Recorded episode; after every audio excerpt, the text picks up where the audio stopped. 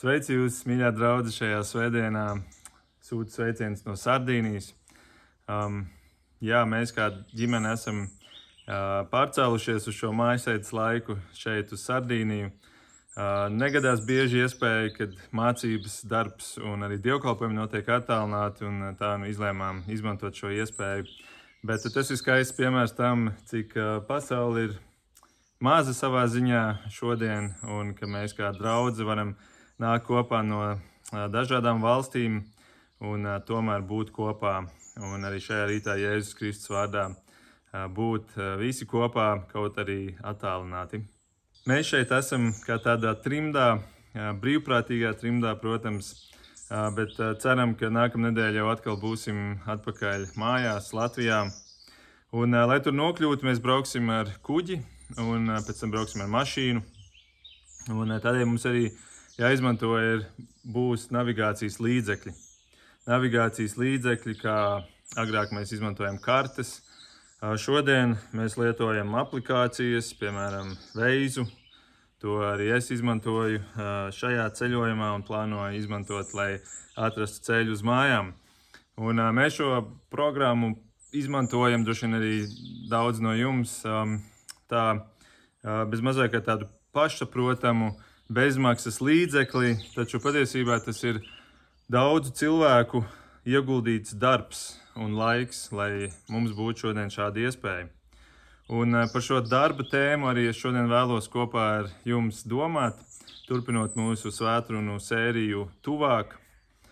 Šodienas apakštēma ir tuvāk pasaulē, un kā mēs varam arī būt par ietekmi savā darba vietā vai caur savu darbu, kuru mēs katrs veicam un esam aicināti veikt šajā dzīvē. Starp citu, Veids šī programma ir radīta Izrēlā, un Izrēlai ir jau sena vēsture navigācijas līdzekļu izstrādē. Pirms 2000 gadiem kādi austrumnieki atrada ceļu pie Jēzus uz Betlēmi.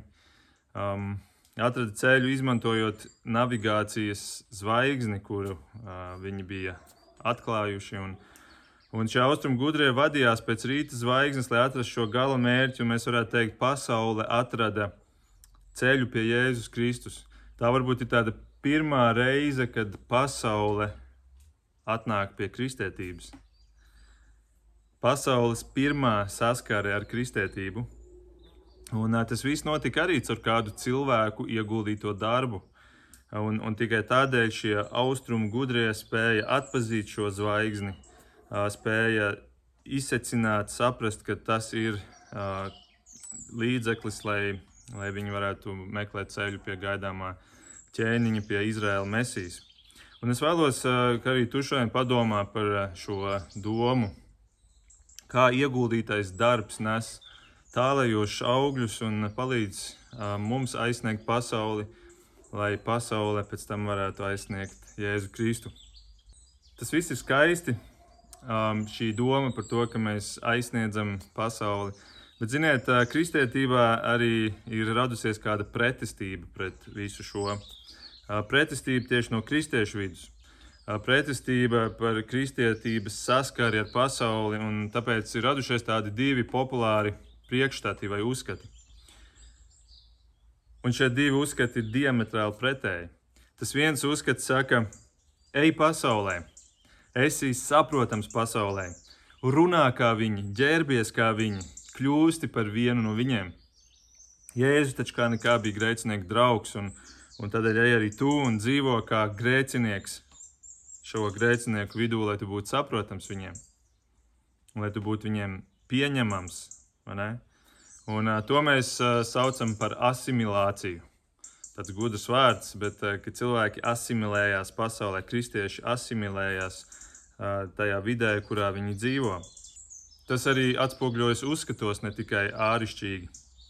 Piemēram, šodien ir vispār pieņemts uzskatīt, ka homoseksuālisms ir normāls dzīvesveids, pieņemams dzīvesveids, tad arī man jāpielāgo savu uzskatu. Ja runāt par grēku ir aizskaroši šajā šodienas sabiedrībā, tad es labāk nerunāšu par to, bet runāšu tikai par tām pozitīvajām lietām. Asimilācija. Arī darba vietā svētdienas drēbes novilcis, es pirmdienā dodos um, kā viens no viņiem, kā viens no tiem, kuri man ir apkārt, un es runāšu kā viņi. Es pielietošu tos pašus biznesa principus kā viņi. Uh, es dzīvošu pēc tiem pašiem mērķiem, darba dzīvē, kā viņi asimilācija. Bet tad ir otrs uzskats, un tas saka tieši pretējo. Nē, pasaulē, nē, jo tur ir bīstami. Tā ietekmēs un tās samaitās tevi. Bībele saka, ka pasaule ir ļauna, ka pasaule pat ir dieva ienaidnieks, tāpēc turies drošā attālumā no tās. Nejaucies pasaules lietās, nejaucies tautas kultūrā. Un to sauc par segregāciju, nošķiršanās, segregāciju. Kad es uh, uzaugu kā mazs puika Vācijā, tad mums arvien vairāk uh, mūsu blakus rajonā sāk dzīvot musulmaņi. Un, uh, tur šo segregāciju ļoti labi varēja redzēt. Viņi bija kā cita pasaule. Ģērbās citādāk, visa uzvedība citādāk. Un, un, tur šī segregācija bija ļoti spilgti manāma. Bet, ziniet, arī kristiešiem tas ir populāri. Nedraudzējies ar neticīgajiem, ar kaimiņiem neticīgajiem, ar darba kolēģiem neticīgajiem kā darba vietu vēlams izvēlēties kādu organizāciju, kur ir saistīta ar kristietību, kāda kristīga organizācija. Un es par soli ārpus tās. Un, un, un vēlams dzīvo savās četrās kristietības sienās.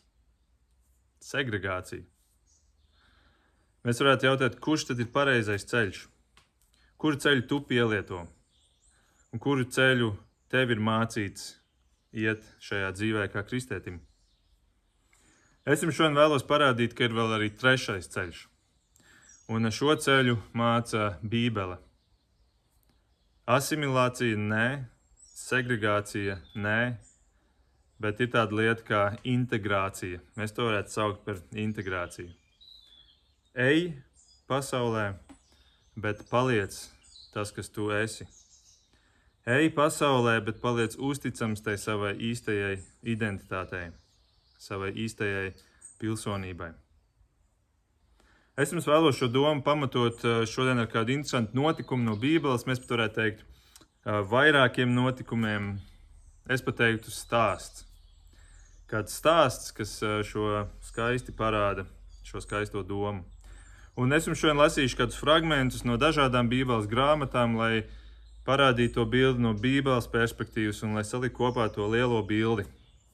Tāpēc uh, uz ekrāna būs slaidi un lasiet līdzi un uh, mēģiniet arī ieklausīties tajā, kas tur ir teikts. Un es šo visu stāstu vēlos iedalīt tādās vairākās nodaļās. Tātad stāsts par kristiešu integrāciju pasaulē, īpaši caur darbu, īpaši caur savu darba vietu un to ietekmi, kuru mēs varam dot savu darbu un kādi tam var būt tālajoši augļi. Tātad mūsu stāsta pirmā nodaļa - izrādīšanās pasaulē. Te mēs varam teikt, tātad, lai saprastu to kontekstu pavisam īsi. Izraēla bija sadalīta divās daļās. Augšā ziemeļos tā bija Izraēla, un apakšā dienvidos bija nošķīrusies Jūda. Kaut arī mēs visu tautu sauc par Izraēlu, bet jūda bija dienvidos. Un katrai no šīm daļām bija savs ķēniņš, un jūdas karaļa valstī valdīja ķēniņš Hiskija. Un tā nu lasīsim tagad uh, kādu īsu fragmentu par to, kas notika ar šo ķēniņu Hiskiju. Otrā ķēniņa 20. nodaļa no 12. līdz 19. pantam. Tolaik Bābeles ķēniņš Brodāh Baladāns, Baladāna dēls, sūtīja vēstuli un dāvanu Hiskijam, jo bija uzzinājis, ka Hiskija ir saslimis. Hiskija uzklausīja vēstnešus un izrādīja tiem savu dārgumu krātuvi, sudrabu, zeltu, balzāmus, dārgo eļļu, ieroču namu un visu, kas bija atrodams mantnīcās. Hiskija namā un visā viņa valstī nebija nekā, ko viņš tiem nebūtu parādījis. Tad pravietis Iesai nāca pie Hiskijas un teica: Ko šie vīri sacīja un no kurienes tie pie tevis bija atnākuši? Hiskija atbildēja: Tie atnākuši no tālas zemes, no Bābeles. Viņš jautāja: ko tie redzēja tavā namā? Hiskija teica: Viņi redzēja visu, kas ir manā namā. Manās mantnīcās nebija nekā, ko es tiem nebūtu rādījis.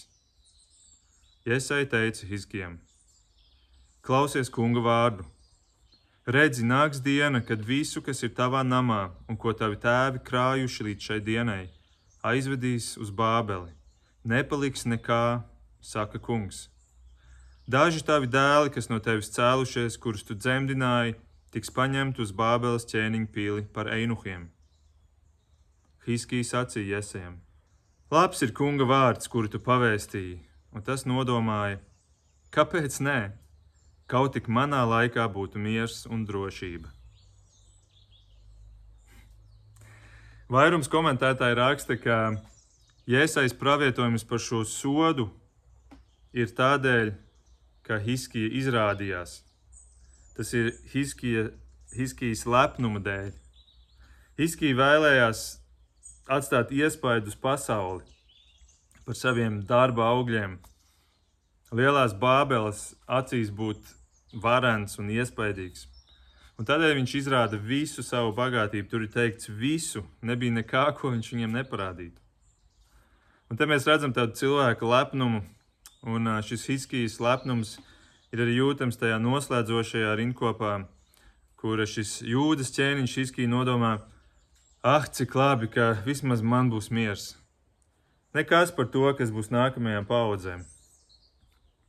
Un es domāju, mēs varam arī kā kā kristieši varbūt ieraudzīt dažreiz šādu nostāju savā dzīvē un, un šodienā, kurā mēs dzīvojam, kur mēs sakam, es esmu glābts, cik labi.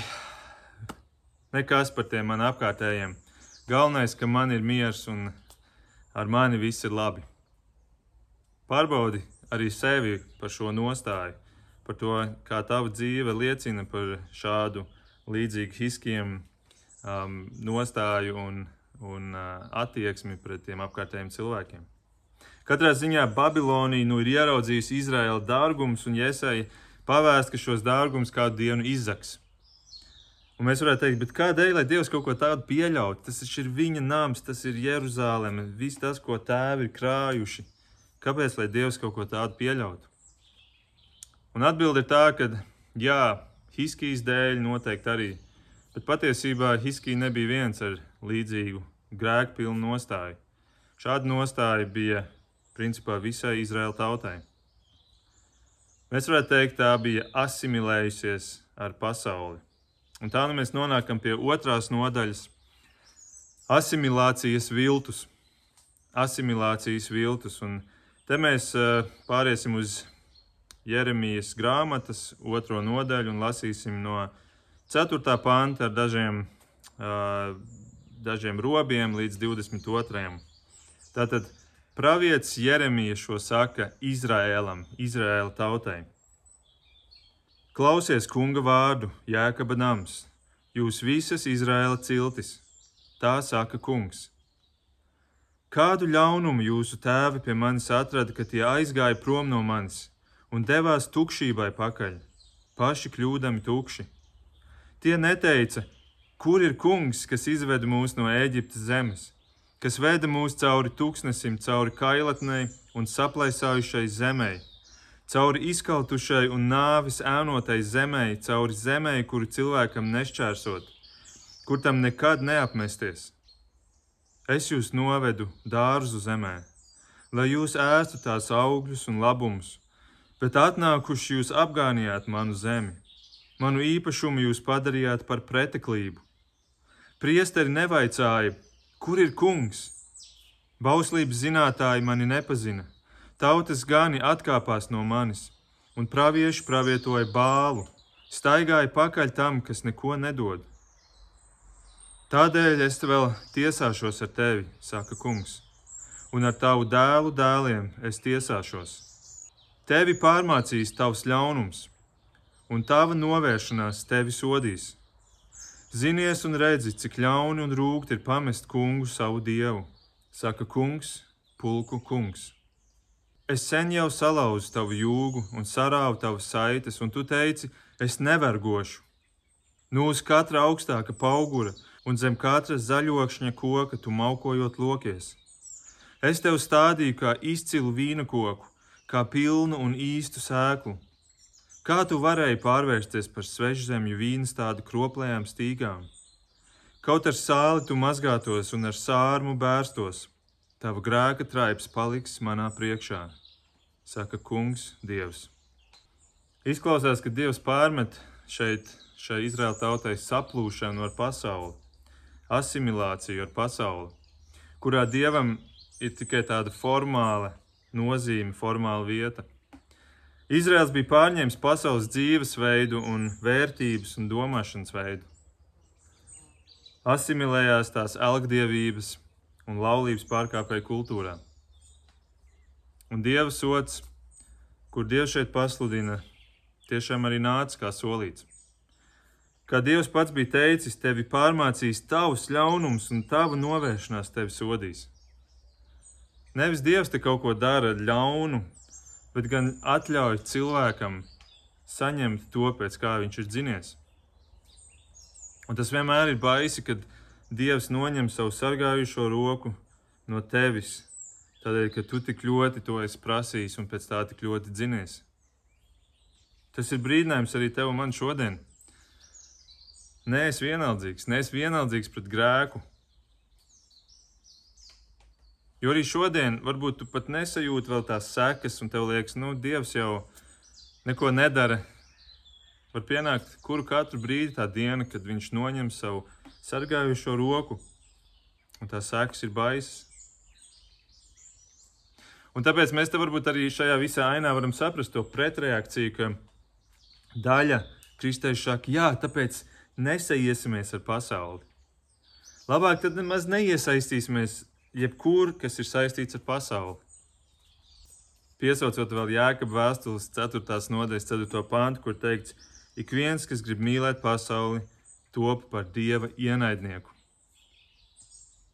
Tad no vienas puses tiešām saprotam ir šāda segregācijas nostāja, lai izvairītos no grēka, tāpēc labāk nemaz nē, tajā, kas ir saistīts ar pasauli, lai izvairītos no dieva soda. Izraels saņēma savu dievu sodu. Pēc Hiskijas izrādīšanās Babilonijai Jūda tagad saņem Babilonijas atbildi. Piecus ķēniņus pēc Hiskijas nāves Nebukadnēcars ierodas Jeruzalemē, un klāt ir mūsu stāsta trešā nodaļa - trimda pasaulē. Trimda pasaulē. Mēs atgriežamies otrā ķēniņa vēstures grāmatas 24. nodaļā un lasīsim 14. pāntu. Viņš, tas ir Nebukadnēcars, ņēma gūstā visu Jeruzālemi, visus augstmaņus un stipros vīrus, desmit tūkstošus gūstekņu un visus amatniekus un kalējus. Viņš neatstāja tur nevienu, tikai vienkāršos, trūcīgos ļaudis. Jūda tiek aizvesta trimdā Dieva soda diena ir pienākusi. Un gūstā tiek aizvests ķēniņš, viņa einuhi, augstmaņi, karavīri un klausieties, amatnieki un kalēji.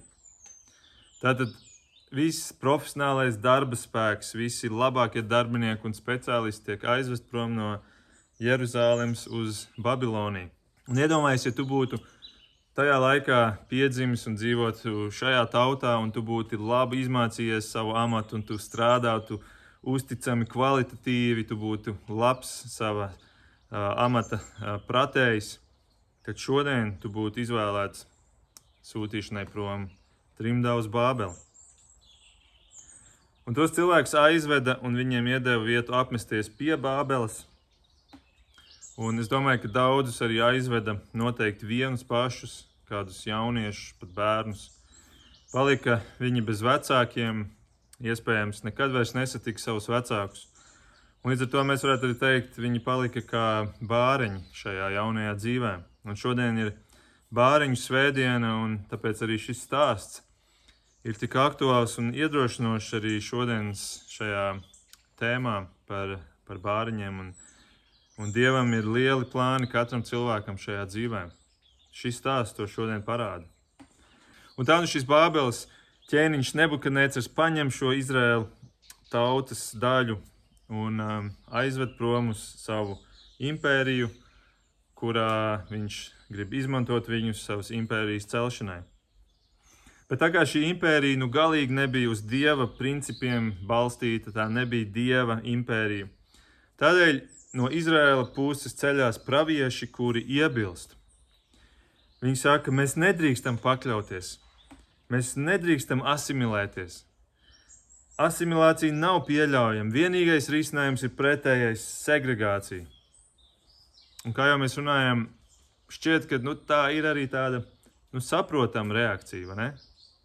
Saprotama reakcija tīpaši uz tā dieva soda fona.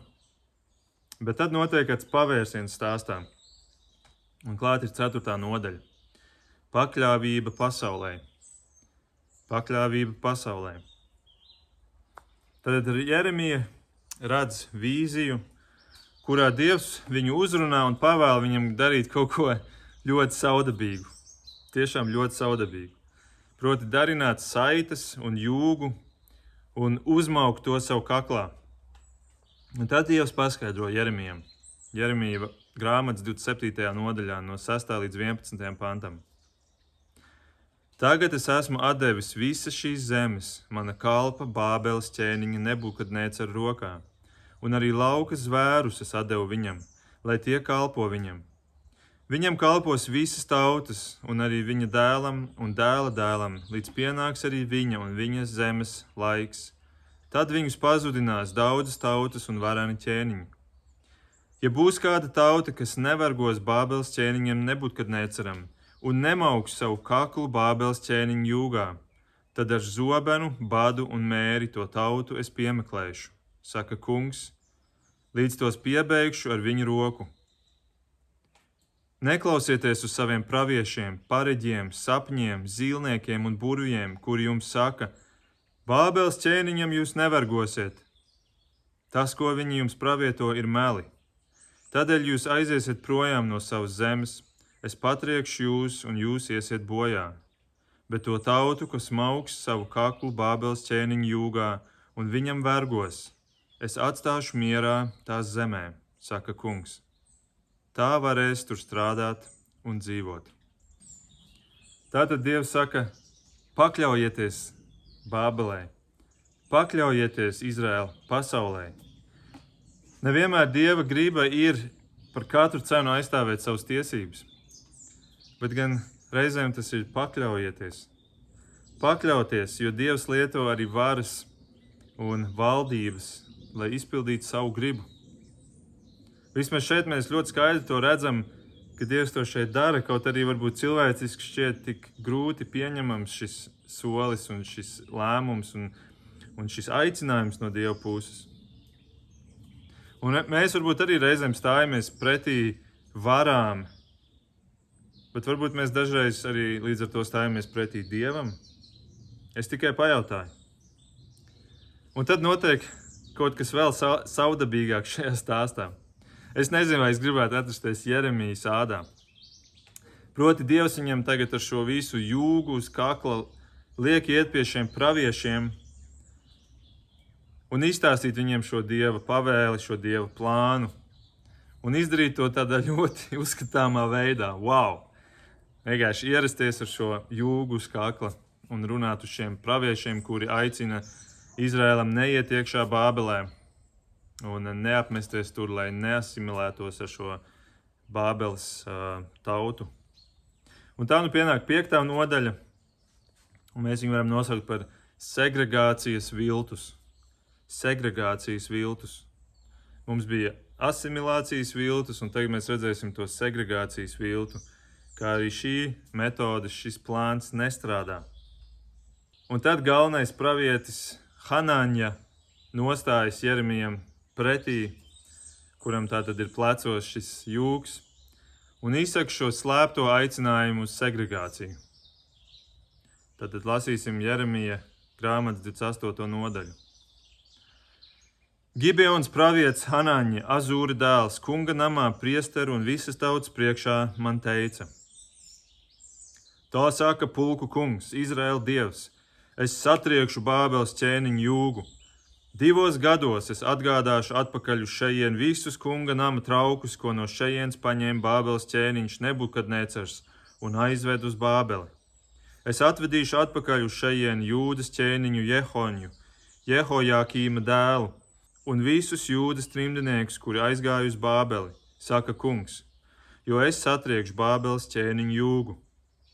Un visas tautas un priesteru priekšā, kur stāvēja kunga namā, pravietis Jeremija atbildēja pravietim Hanaņam, sacīdams tā: Patiesi, lai kungs dara tā, lai kungs piepilda tavus vārdus, kurus tu pravietoji, un lai atgādā atpakaļ kunga nama traukus un visus trimdniekus no Bābeles uz šejieni.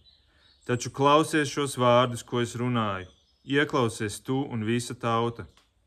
Tie pravieši, kas jau no mūžības ir bijuši pirms tevis un manis, ir pravietojuši par daudzām zemēm un par varenām valstīm, par karu, par badu un mēri.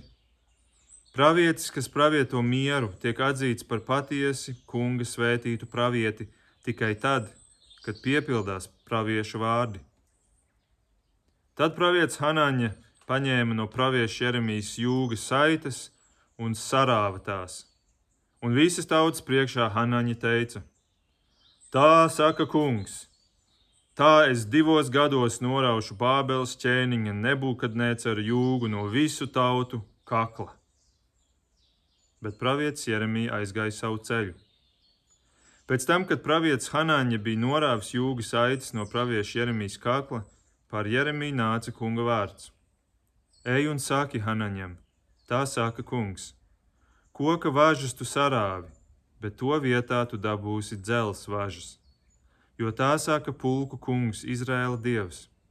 Visu šo tautu kaklam es uzliku dzels jūgu, lai vergo Bābeles ķēniņam nebūtu kad neceram, un tās viņam vergos. Pat lauka zvērus es atdevu viņam Un pravietis Jeremija teica pravietim Hanaņam: Klausies, nu, Hanaņa, kungs tevi nesūtīja, un tu liki šai tautai paļauties meliem. Tādēļ tā saka kungs: Redzi, es tevi patriekšu no zemes virsmas, jau šogad tu mirsi, jo nepakļāvīgi tu runāji pret kungu. Un pravietis Hanaņa nomira tā paša gada 7. mēnesī. Tātad mēs redzam, Hanaņa stāstīja melus, sludinot mieru. To mieru, kurš tik labi izklausījās tautai, ka, ka nē, mums nebūs jāvergo šai Babilonijas impērijai. Divu gadu laikā Dievs sagraus visu to, un mēs varēsim iet atpakaļ uz Jeruzalemi. Tāpēc neiet Bābelē, neiet tur strādāt, nepiedalīt, nepiedalieties tās dzīvēm tās celšanā. Tātad aicinājums uz segregāciju. Neiet tajā visā iekšā. Bet tas izrādās, kā mēs šeit redzam, ir viltus miers. Pretēja informācija tam, ko Dievs jau sen bija pateicis ar Jeremiju un citiem praviešiem, proti, ka jums tur būs jāiet, jums Dieva vārds saka, ka būs jāiet tur dzīvot, jums būs 70 gadus šī trimda Babilonijā. Un viltus pravieša Hanaņas iznākums bija posts. Posts par šo nepakļaušanos dieva gribai un dieva pravietojumam un dieva plānam. Un tāds pats posts sekoja arī pēc tam visai Jeruzalemei, jo tā caur to nākamo ķēniņu, kurš vēl bija palicis Jeruzalemē, arī sacēlās pret Babiloniju. Tieši tāpat uzskatot, ka mēs neesam pelnījuši būt šādā verdzībā. Un tā nu, desmit gadus pēc šīs pirmās trimdas sekoja otrā Babilonijas uzbrukuma reize, un, un šīs ietvaros Nebukadnēcers bez žēlastības nodedzināja visu Jeruzalem, ieskaitot Salamana būvēto templi, un visu nodedzināja līdz pamatiem un aizveda trimdā vēl otro daļu izrēliešu. Jeremija šeit Hanaņa mierinošos vārdus nosauc par meliem. Dievs caur Jeremiju atklāja, ka viņa plāns, Dieva plāns ir vest Izraēlu cauri šīm grūtībām. Un ne tikai tādēļ, lai Izraēlu pārmācītu par tās grēku, kā tēvs to dara ar saviem bērniem, pārmāca. Ne tikai tas, un te parādās tā dievišķā gudrība, tas dieva tālējošais, neticamais plāns. Proti, Dievs to dara ne tikai lai pārmācītu Izraēlu, bet lai caur Izraēlu aizsniegtu pasauli. Lai caur Izraēlu aizsniegtu pasauli. Lai caur Izraēlu aizsniegtu Bābeli, kas bija pasaules centrs tajā laikā. Un to ļoti skaidri parāda mūsu nākamā un šodienas stāsta priekšpēdējā nodaļa, sastāv nodaļa - integrācijas pavēle. Integrācijas pavēle. Jo tad šis Jeremija sūta vēstuli trimdniekiem, kuri ir Bābelē, kuri tātad gaida pie Bābeles vārtiem. Viņš sūta viņiem vēstuli, un tā ir aprakstīta Jeremijas grāmatas 29. nodaļas pirmajos septiņos pantos, un vēl, bet mēs šos septiņus nolasīsim. Šie ir tās vēstules vārdi, kuru pravietis Jeremijs sūtīja no Jeruzalemes uz trimdu tur palikušajiem vecajiem priesteriem, praviešiem un visai tautai, kuru Nebukadnecars aizveda trimdā uz Bābeli pēc tam, kad no Jeruzalemes tur devās ķēniņš Jehonja ar savu ķēniņieni, einuhiem un jūdas un Jeruzalemes augstmaņiem, amatniekiem un zeltkaļiem. Vēstule tika sūtīta ar Elāsu, Šāfāna dēlu un Gmarju Hilkijas dēlu, kurus jūdas ķēniņš Cedekijs sūtīja pie Bābeles ķēniņa Nebukadnecera. Tā saka pulku kungs, Izraēla dievs, visiem trimdiniekiem, kurus es aizvedu trimdā no Jeruzalemes uz Bābeli. Celiet mājas un dzīvojiet, stādiet dārzus un ēdiet to augļus. Ņemiet sievas un radiet dēlus un meitas, un ņemiet saviem dēliem sievas un dodiet pie vīra savas meitas, lai viņas dzemdē dēlus un meitas. Vairojieties tur! Un neejiet mazumā. Rūpējieties par tās pilsētas labumu, uz kurien es jūs aizvedu trimdā, un lūdziet kungu par to, jo tās labums būs jūsu labums. Redziet, Dieva pavēle, ejiet Bābelē, ejiet iekšā, un tomēr palieciet tie, kas jūs esat. Palieciet Izraels, saglabājiet savu identitāti, vairojieties, tur ir teikts, un neiet mazumā. Tātad turpiniet skaitīt līdzi, cik jūs esat. Tātad nesaplūstiet kopā, neasimilējieties, bet arī neveiciet šo nošķiršanos, šo segregāciju, bet integrējieties. Un viņi to darīja. Viņi gāja iekšā, viņi cēla mājas, viņi stādīja dārzus, viņi precējās un viņi strādāja. Viņi strādāja, un pēdējā nodaļa manā stāstījumā ir par to skaisto rezultātu, kādu kādi no šiem strādājošajiem izrēliešiem Babilonijā mums ir aprakstīti Bībelē. Un tā nu pēdējā nodaļa - paklausības augļi. Viens no trimdiniekiem, Einuhs, bija kāds puisis vārdā Daniels. Daniels. Un mēs par viņu lasām Daniela grāmatas pirmajā nodaļā, pašā sākumā, pirmie seši panti. Jūdas ķēniņa Jehojakīma trešajā valdīšanas gadā pret Jeruzālim nāca Bābeles ķēniņš Nebukadnecars un aplēns to. Kungs deva viņam jūdas ķēniņu Jehojahīmu un arī lielu daļu dieva nama trauku. Ķēniņš tos nogādāja Šināras zemē, savu dievu namā, traukus viņš novietoja dievu nama mantnīcā. Ķēniņš pavēlēja Einuhu priekšniekam atlasīt no Izraēla dēliem, no ķēniņu un augstmaņu dzimtas, jaunekļus bez nevienas vainas, izskatīgus, gudrībās izveicīgus, zinīgus un saprātīgus mācībā, spējīgus kalpot ķēniņa pilī un mācīt tiem kaldiešu rakstus un valodu. Ķēniņš noteica ikdienas dot tiem lieliskus ķēniņa ēdienus un vīnu ko viņš pats dzer. Trīs gadus, lai spēcina viņus, un kad mācību laiks būs beidzies, lai tie stājas ķēniņa priekšā. starp jūdas dēliem bija Daniels. Tad izskatās, ka Daniels bija lasījis Jeremijas vēstuli. Daniels nestājās pretī, bet viņš bija gatavs iet to ceļu, kas viņam priekšā tika likts. Viņš bija iespējams lasījis Jeremijas vēstuli un šo aicinājumu, kur Dievs dod. Līdzīgi kā mēs varbūt šodien lasām Pāvila, apstuļu Pāvila vēstules. Daniels lasīja iespējams Jeremijas vēstuli un viņš paklausīja Dieva pavēlē. Viņš nepratojās, viņš nestājās pretī, bet viņš pakļāvās un viņš bija gatavs integrēties. Viņš atļāvās dzīvot Babilonijā, bet viņš neļāva Babilonijai dzīvot viņā. Viņš mācījās babiloniešu rakstus, iepazina tās kultūru, tomēr atļāvās arī atšķirties. Viņš, piemēram, dieva aizliegtos ēdienus nēda. Viņš meklēja veidu, kā izveidot savu ēdienu kārtu, un, un caur gudru rīcību viņam arī tas izdevās. Un es gribu šeit piebilst, ka reizēm šī doma tiek jaukta varbūt ar kādiem, kādi veģetārismu šeit uh, popularizē ar šo Daniela domu, citi varbūt uh, nostāja pret vakcinēšanos. Bet atcerēsimies, ka šīs ir lietas, kuras Dievs Bībelē neaizliedz. Dievs neaizliedz ēst gaļu, Dievs neaizliedz vakcinēties mums.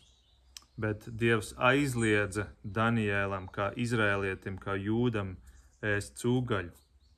Un tāpēc Daniels meklē veidus, kā šo, šo situāciju apiet, lai paliktu tomēr uzticams Dieva pavēlēm.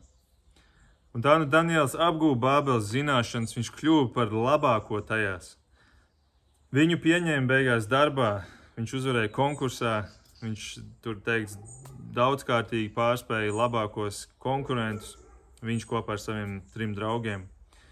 Un uh, beigās viņš nostrādāja visu atlikušo nebūtnēcu ar valdīšanas laiku. Tad mēs redzam, viņš, viņš cīnījās, ieguldīja, integrējās, lai būtu labs, lai būtu labāks, lai būtu vislabākais tajā jomā, kurā viņš strādāja. Un beigās viņu iecēla par magu virsnieku. Magi bija tie, kuri skaidroja sapņus, kuri nodarbojas ar astronomiju. Viņi skaitījās šīs impērijas gudrākie prāti. Mēs varbūt šodien teiktu, nu, zinātnieki. Magi bija tik augstu atzīti, ka viņiem bija vara iecelt ķēniņus kad kāds ķēniņš nāca šajā Babilonijas impērijas um, reģionā, nāca pie varas, tad šie magi ieradās, lai ieceltu šo ķēniņu par ķēniņu, tātad, lai viņu kronētu. Un Daniels bija šo magu vadītājs. Viņš bija tik labs, ka viņš tika tik augstā amatā. Daniela ietekmes augļi bija tik tālijoši, ka pagāja kādi seši gadsimti, un kādā ziemas dienā Jeruzalemes priekšpilsētā Betlēmē ieradās magi, lai kronētu jaunu ķēniņu, kuram vārds bija Immanuēls. Šis bija Dieva dēls Jēzus Kristus, kā mēs zinām. Kā šie magi no tik tāliem austrumiem varēja zināt, ka ir jānāk tieši šajā laikā? Kā viņi varēja zināt, ka tā zvaigzne, kas tur spīd augšā, tieši liecina par šo konkrēto notikumu? Atbilde ir, ka iespējams tādēļ, ka viņiem reiz bija priekšnieks, kurš stāstīja par šo. Priekšnieks vārdā Daniels. Šis jūdu trimdinieks tur tālajā austrumu valstī Babilonijā. Šodien mēs teiktu, kristietis pasaulē. Vai nav skaists stāsts, cik dieva nodomi var būt tālējoši un skaisti, ja mēs tiem uzticamies, ja ieklausāmies Dieva vārdos, ja klausāmies un ticam Dieva vārdam, ja paklausām viņa pavēlēm, pat ja tās šķiet cilvēciski ļoti sarežģītas un grūti pieņemams. Cilvēks, kuri vienkārši uzticās Dievam, Dieva vārdam, Dievs spēja tik varnos veidos lietot savā darba vietā, Vai tā nav laba motivācija strādāt? Kā nekā Dievs teica, strādājiet sešas no septiņām dienām. Redziet, nevis tādēļ, lai mēs kļūtu bagāti un varētu lepoties ar to un varētu lielīties ar to, kā Hiskija to darīja, bet gan tādēļ, lai mēs varētu aizsniegt cilvēkus. Tādēļ mēs esam aicināti strādāt, tādēļ mēs esam aicināti būt labiem savā darbā, tādēļ mēs esam aicināti arī integrēties savā sabiedrībā mācīties par tās kultūru, mēģināt saprast, kādi ir cilvēki, kuri dzīvo manā sabiedrībā. Mēģināt ieklausīties tajā, ko viņi klausās, mēģināt saprast viņu domāšanas veidu, būt tuvāk pasaulē, lai parādītu arī viņiem, ka mana ticība nav tikai tāda garīguma ēka, sastāvoša no četrām sienām, bet ka tā ietekmē visu manu dzīvi, arī manu profesionālo dzīvi. Man personīgi tas ir galvenais iemesls, man galvenā motivācija, kādēļ es arī strādāju savā laicīgajā darbā, tādā veidā, kā es to daru. Gan savā uzņēmumā, gan arī akadēmijā, kurā es mācu studentiem. Tur, kur es varu būt tuvāk arī pasaulē. Līdzīgi kā Daniels, kurš integrējās pasaulē, lai varētu pasaulē nest šo vēsti par Jēzu Kristu. Vai kā apustulis Pāvils, kurš kā mūsu dievkalpojuma ievadā mēs lasījām 1. korintiešiem 9. nodaļā, viņš raksta: Brīvs būdams no visiem, esmu sev padarījis visiem par vergu, lai iemantotu vairāk cilvēku. Ikvienam bija tāds, kāds viņš ir, lai vismaz kaut dažus izglābtu. Bet to visu es daru evaņģēlī dēļ, lai būtu pie tā līdzdalīgs. Iesim arī mēs pasaulē, kļūsim kā pasaule, bet paliksim Kristus upura liecinieki. Paliksim Kristus asins izpirktē, paliksim uzticīgi tam, uz ko Kristus mūs ir aicinājis. Un tad mēs varam būt droši, ka arī Dievs spēs mūs lietot un eh, darīt varenus darbus, un kādiem varbūt rādīt gaismu, kurā palīdzēs viņiem atrast mājas atrast mūsu kungu Jēzu Kristu. Lūksim Dievu.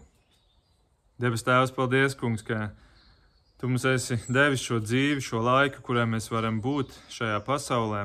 Paldies, ka Tu mūs esi izpircis no tās, bet tomēr atstājis tajā un palīdz, ka mēs varam arī šo, jā, šo paradoksu izdzīvot savā dzīvē, kur mēs esam šajā pasaulē, tomēr neesam daļa no tās.